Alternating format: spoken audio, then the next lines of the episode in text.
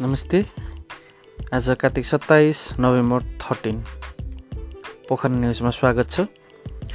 पर्यटन मन्त्रालयले घोषणा गरेका गण्डकी प्रदेशका पर्यटकीय क्षेत्रहरू। मौसम विभागको अनुमान पहाडमा हल्का वर्षा हिमालमा हिमपात। पोखराकी श्रेया सुनारको हत्या र पत्ता लगाउने कुकुरलाई उत्कृष्ट award. Yak Attack mountain bike रेसको उपाधि वालेसलाई। संस्कृति पर्यटन तथा नागरिक उड्डयन मन्त्रालयले पर्यटक प्र प्रवर्धन र विकासका लागि ने नेपालका एक पर्यटकीय गन्तव्य घोषणा गरेको छ। पर्यटन क्षेत्रको विकास तथा सोबाट प्राप्त लाभ जनस्तरमा पुर्याउन पर्यटकीय गन्तव्यहरूको विविधीकरण गर्दै नयाँ पर्यटकीय स्थल र उपजहरूको पहिचान विकास तथा पर्यटकीय पूर्वाधारहरूको विकास गर्न पर्यटकीय गन्तव्य घोषणा गरेको हो। सरकारले घोषणा गरेका गण्डकी प्रदेशका पर्यटकीय गन्तव्यहरू हामीले हाम्रो वेबसाइटमा प्रकाशित गरेका छौँ। हेर्नुहोला। सोमा उल्लेखित पर्यटकीय गन्तव्यहरूमा गण्डकी प्रदेशका गोर्खा लमजुङ तनहु कास्की मनाङ मुस्ताङ पर्वत स्याङ्जा बागलुङ नवलपरासी पूर्व नवलपुर र म्याग्दी सबै जिल्लामा रहेका छन्।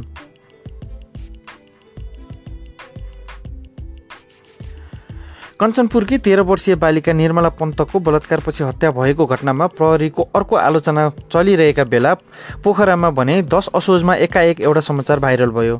पोखरामा बालिका बलात्कारपछि हत्या गर्ने अभियुक्त चौबिस घण्टा नबित्दै पक्राउ परे। कञ्चनपुर घटनामा धमलिएको प्रहरीको छविलाई पोखरामा पाएको सफलताले एकदम एक हदसम्म भए पनि बचायो। समाचार पढ्नेहरूले भने राजनैतिक दबावमा नपर्ने हो भने नेपाल प्रहरी सक्षम छ। तर पोखरामा प्रहरीले पाएको सफलतामा एउटा जनावरको अहम भूमिका थियो भन्ने कमैलाई थाहा छ। त्यो हो प्रहरीको कुशल नाम गरेको कुकुर।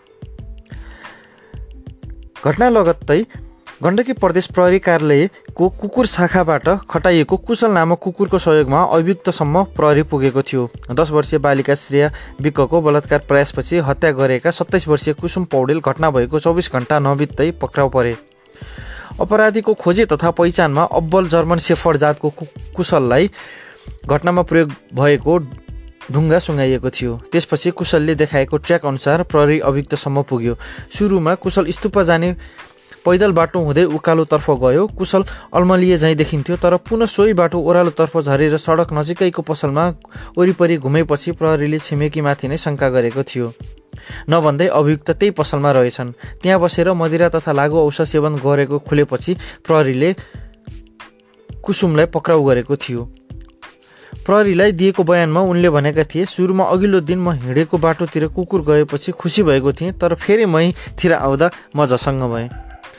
कुशलको कुशलता यतिमै सीमित छैन। उसले एघार असोजमा पोखरामा हत्या गरेकी साठी वर्षीय श्रीमाया गुरुङको अभियुक्तलाई पनि पक्राउ गर्यो। घर बाहिर बारीमा हत्या गरी छोपेर राखिएको अवस्थामा भेटिएको सबको छेउमा रहेको ढुङ्गा र हँसियालाई सुँगेपछि कुशल अनुसन्धानमा अनुसन्धान कार्यमा खटिएको थियो। पछि गन्ध पहिलाउँदै अघि बढ्ने क्रममा कुशलले प्रहरीलाई चार किलोमिटर पर चोकबाट भित्रपट्टि रहेको धानबरीसम्म पुर्याए जहाँ मृतकका श्रीमान एमबहादुर गुरुङ लुकेर बसेका रहेछन्। सुसपुत गर्ने क्रममा उनले कसुर स्वीकार गरे। चार वर्षदेखि प्रहरी अनुसन्धानमा सेवारत कुशल आज्ञा पालन र अपराधीको खोजीका कारण अनुसन्धान अधिकारीहरूमाझ प्रिय छ। उसले थुप्रै घटनाहरूमा अनुसन्धानकर्तालाई सही बाटो देखाएको छ। हत्या चोरी डकैती लुटपाट अपहरण जस्ता अपराधिक घटनाहरूको अनुसन्धानमा सघाएर उसले आफूलाई अब्बल साबित गरिसकेको छ। यही कारण नेपालमा प्रहरी नेपाल प्रहरीमा कुकुर स्कुल स्थापना भएको पचासौँ वर्षको अवसरमा कुशलले बेस्ट डग अफ द इयरको सम्मान पाएको छ। लमजुङबाट सुरु भए म्याग्दीको तातो पानीमा पुगेर टुङ्गिएको याक एट्याक माउन्टेन बाइक रेसको उपाधि क्यानाडाका करी वालेसले जितेका छन्। लमजुङ मनाङ थोराङ्ला पास मुस्ताङ म्याग्दीको एक सय अन्ठाउन्न किलोमिटरको दूरी वालेसले बाह्र घन्टा तिस मिनट पचास सेकेन्डमा पुरा गरेका छन्। उनले एक हजार अमेरिकी डलरको पुरस्कार प्राप्त गरे। उनले पोखरामा आयोजित साइक्लिङ रेस आइभी चौथोको समेत उपाधि उपाधि जितेका थिए। थोरङ्ला पासमा सहभागीहरूले हाइक्याम्पदेखि पाससम्म बाइकलाई बोकेर नै उक्लिएका थिए। पासबाट मुक्तिनाथको मुस्ताङको मुक्तिनाथ मन्दिरसम्म ओह्रालो ओर्लिए। माउन्टेन बाइकिङ वर्ल्ड वाइडको आयोजनामा वर्षेनी सञ्चालन हुने एक एट्याक साइक्लिङमा नेपालका रोहन तामाङ दोस्रो स्थानमा आए।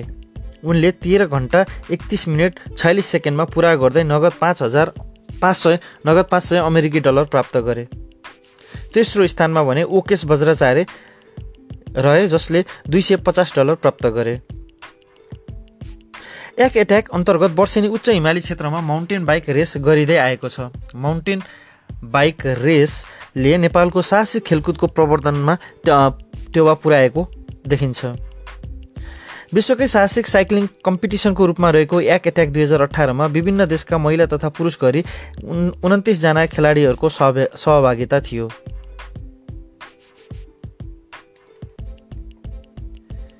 मौसम विभागले प्रकाशित गरेको तिन दिन पूर्व तिन दिन पूर्वानुमानमा पहाडमा हल्का वर्षा हुने तथा हिमाली क्षेत्रमा हिमपात पर्न सक्ने अनुमान गरेको छ। कार्तिक सत्ताइस गते मङ्गलबारका लागि उसले गरेको अनुमानमा दिउँसो देशको पश्चिमी भूभागमा आंशिक बदली रहने बाँकी मौसम सामान्यतया सफा रहने सम्भावना छ। पहाडी भेगका दुई स्थान दुई एक दुई स्थानमा हल्का वर्षाको सम्भावना छ। उच्च हिमाली भूभागमा हल्का हिमपातको सम्भावना छ। राति पूर्व तथा पश्चिम पहाडी भेगमा केही स्थानमा आंशिक बदलीको सम्भावना छ। कार्तिक अठाइस गते बुधबार भने दिउँसो देशको पहाडी भूभागमा आंशिक बदली रहने बाँकी स्थानमा मौसम सामान्यतया सफा रहनेछ। भने सोही दिन राति पश्चिम तथा पूर्वी पहाडी भेगमा केही स्थानमा आंशिक बदलीको सम्भावना छ। कार्तिक उन्तिस गते बिहिबार भने दिउँसो पश्चिमी तथा पूर्वी पहाडी भेगमा आंशिक बदलीको सम्भावना छ। सोही दिन राति पूर्वी पहाडी भेगका केही स्थानमा आंशिक बदलीको सम्भावना रहेको छ।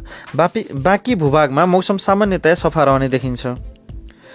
अहिले नेपालमा काठमाडौँ लगायत अरू सहरहरूमा जाडो बढेको छ र हामीले यो रेकर्डिङ गर्ने क्रममा अहिले पोखरामा वर्षा भइरहेको कारणले जाडो महसुस भइरहेको छ। धन्यवाद।